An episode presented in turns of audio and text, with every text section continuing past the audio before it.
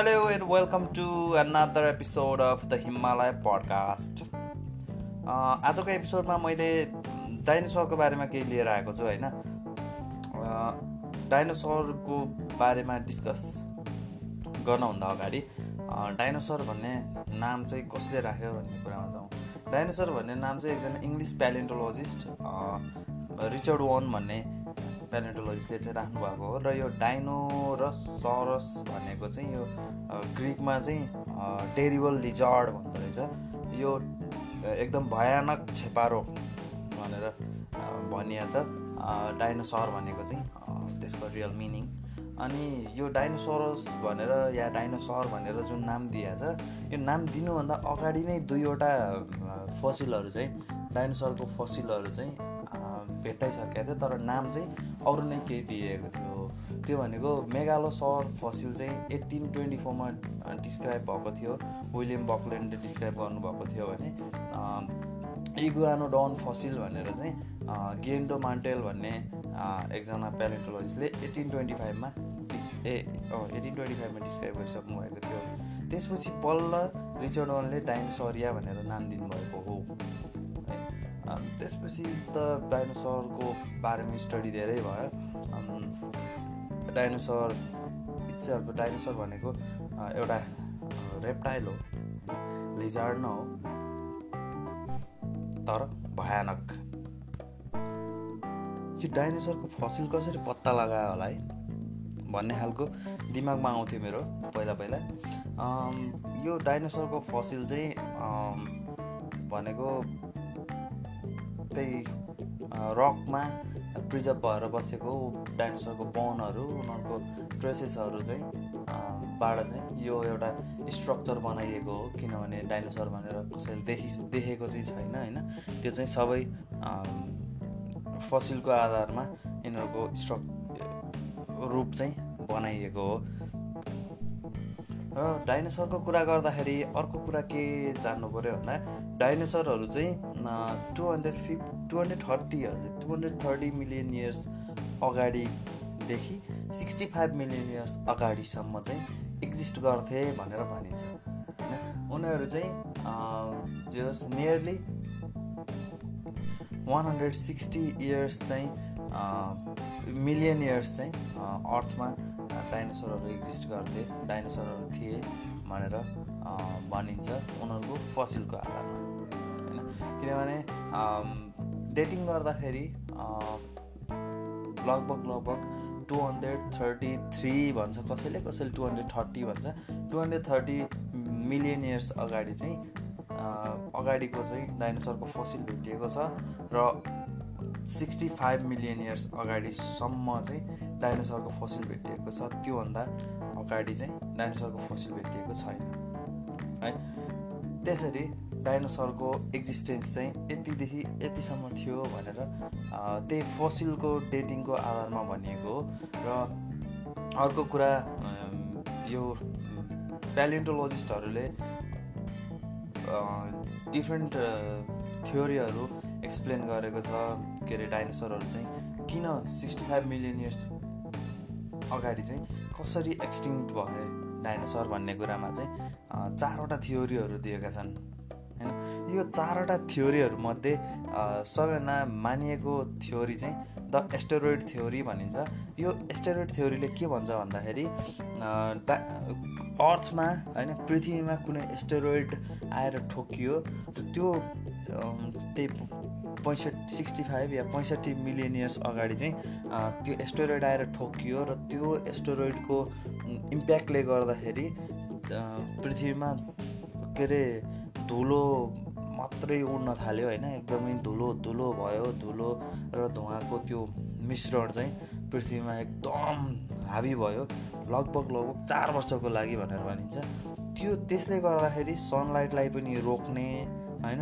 अनि अँधेरो बढी गराउने अनि त्यसपछि गएर सबै बोट बिरुवाहरू नाश भयो र जसका कारणले कोही कुनै डाइनोसरहरू चाहिँ खान नपाएर कुनै डाइनोसरहरू चाहिँ सनलाइटको कमीले या धुवाले धुवा र धुलोले गर्दा नै मरे त कुनै टेम्परेचर ड्रप भएको कारणले मरे होइन?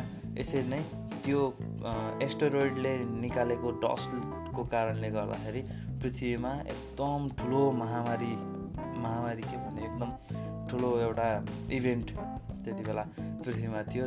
त्यही कारणले गर्दाखेरि डाइनोसरहरू चाहिँ एक्सटिङ्क्ट भए उनीहरू चाहिँ लोप भए भनेर भनिन्छ होइन?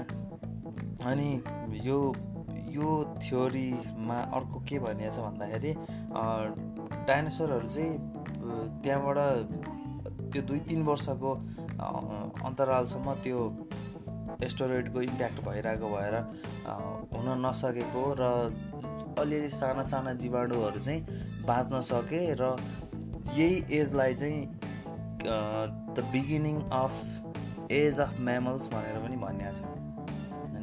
चाहिँ त्यही sixty five million years ago त्यति बेला चाहिँ beginning of the age of भनेर भनिन्छ।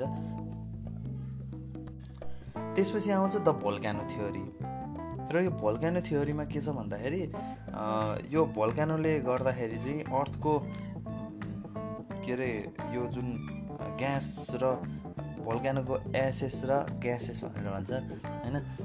भोल्क्यानोको जुन धुवाले गर्दाखेरि चाहिँ सनलाइटलाई इफेक्ट गर्यो र एकदम ठुलो भोल्क्यानो भएको भएर त्यो अर्थको चाहिँ टेम्परेचर चाहिँ घटाइदियो होइन सनलाइटै पास हुन नपाएको भएर भन्ने खालको एउटा थ्योरी छ। त्यसले गर्दाखेरि चाहिँ अर्थको टेम्परेचरमा चाहिँ एफेक्ट गरेको भएर डाइनोसरहरू चाहिँ एक्सटिङ्क्ट भए भन्ने एउटा थ्योरी छ। यो भल्क्यानो थ्योरी भयो। यसरी द कुलिङ क्लाइमेट थ्योरी भन्ने छ। यो द कुलिङ क्लाइमेट थ्योरीमा चाहिँ के छ भन्दाखेरि पृथ्वी चाहिँ चिसिँदै गएको कुरा लिएर आएछ यसले चाहिँ। यसमा चाहिँ पृथ्वी चिसिँदै गयो तर डाइनोसरहरूमा चाहिँ त्यो चिसोलाई रेजिस्ट गर्ने जुन क्षमता नभएको भएर होइन र उनीहरूसँग अरू म्यामल या अरू एनिमलहरूसँग जस्तो यो उन र के पखेटाहरू हुन्छ नि फर एन्ड फिदर्स भनेर भन्छ तिनीहरू नभएको कारणले गर्दाखेरि कोल्डबाट प्रोटेक्ट हुन नसकेर मरे र जो जुन बर्ड्स जुन चराचुरुङ्गी र के अरे जनावरहरू चाहिँ हामीले त्यो पछि पनि भेट्दै गयो। तिनीहरू चाहिँ अझै वार्म प्लेसमा अझै न्यानो ठाउँमा गएको चाहिँ बसाइसराई गर्न सकेको भएर तिनीहरू एक्जिस्ट गरे। तर डाइनोसरहरू चाहिँ त्यो क्लाइमेटै एक्जिस्ट क्लाइमेटै रेसिस्ट गर्न नसकेर चाहिँ लोप भयो भन्ने यो थ्योरी छ। कुलिङ क्लाइमेट थ्योरीमा होइन? अनि अर्को छ इमर्जिङ प्लान्ट्स थ्योरी यो थ्योरीमा चाहिँ के छ भन्दाखेरि यो जुन one forty one hundred forty million years अगाडिदेखि सिक्सटी फाइभ मिलियन इयर्स अगाडिसम्मको जुन पिरियड छ यो यो पिरियडमा के भयो भन्दाखेरि प्लान्टहरू नयाँ प्लान्टहरू आउनु थाले। पृथ्वीमा नयाँ नयाँ प्लान्टहरू आउनु थाले। जुन प्लान्टहरू चाहिँ फ्लवरिङ प्लान्टहरू थिए होइन? र पहिलाको जुन प्लान्टहरू थिए तिनीहरू चाहिँ अलिकति एक्सटिङ हुँदै गए होइन? यो प्लान्टहरू आउँदै गएपछि अनि डाइनोसरको मेन फुड होइन उनीहरूको चाहिँ ट्रेडिसनल फुड सप्लाई नै बन्द हुँदै गयो नयाँ प्लान्ट आउँदै गएको भएर होइन फ्लावरिङ फ्लावरिङ प्लान्ट आउने भएको भएर। त्यही भएर यो के अरे फ्लावरिङ प्लान्टहरूको बिगिनिङ या त्यो फ्लावरिङ प्लान्टहरू आएको भएर चाहिँ आफ्नो ट्रेडिसनल फुडको कमीले गर्दा डाइनोसरहरू लोप भए भनेर यो इमर्जिङ प्लान्ट्स थ्योरीले चाहिँ भन्छ होइन? तर अहिलेसम्म डाइनोसरको चाहिँ धेरै कुराहरू पत्ता लाग्न सकिरहेको छैन। डाइनोसरहरू कोल्ड ब्लडेड थिए कि वार्म ब्लडेड थिए भन्ने कुरा पनि थाहा छैन अहिलेसम्म होइन? तर एउटा कुरा चाहिँ के छ भन्दा डाइनोसरको फोसिल चाहिँ जताततै भेटिएको भएर डाइनोसरको एउटा ऊ चाहिँ के भन्छ हरेक कन्टिनेन्टमा चाहिँ डाइनोसरहरू थिए भन्ने चाहिँ एउटा छ। होइन? सबै कन्टिनेन्टमा फसिल भेटिएपछि त अभियसली पनि थियो होला सबै कन्टिनेन्टमा डाइनोसरको फसिल भेटिएको छ। र अर्को कुरा भनेको यो डाइनोसरको फसिल स्टडी गर्दै जाँदाखेरि अहिलेसम्म पेरेन्टोलोजिस्टहरूले चाहिँ एट्टिन हन्ड्रेड फिफ्टी जेनेरा चाहिँ छन् है भनेर एउटा रिजल्ट निकालेको छ डाइनोसरको। डाइनोसरको बारेमा धेरै कुराहरू छन् र कति कुराहरू चाहिँ स्टडी हुँदैछ डाइनोसरको अझै पनि। तर होपफुल्ली डाइनोसरको एक्जिस्टेन्स जुन अहिलेसम्म पत्ता लागेको छ त्यो एक्जिस्टेन्स र यस यिनीहरूको एक्सटिङ्सनको बारेमा दिएको थ्योरीहरू प्रुभ भइसकेको छैन। अब यो कुरा नयाँ नयाँ प्यालेन्टोलोजिस्टहरूले पत्ता लगाउलान्। ओके देन आजलाई यति नै डाइनोसरको बारेमा। र अर्को एपिसोडमा केही नयाँ लिएर आउनेछु।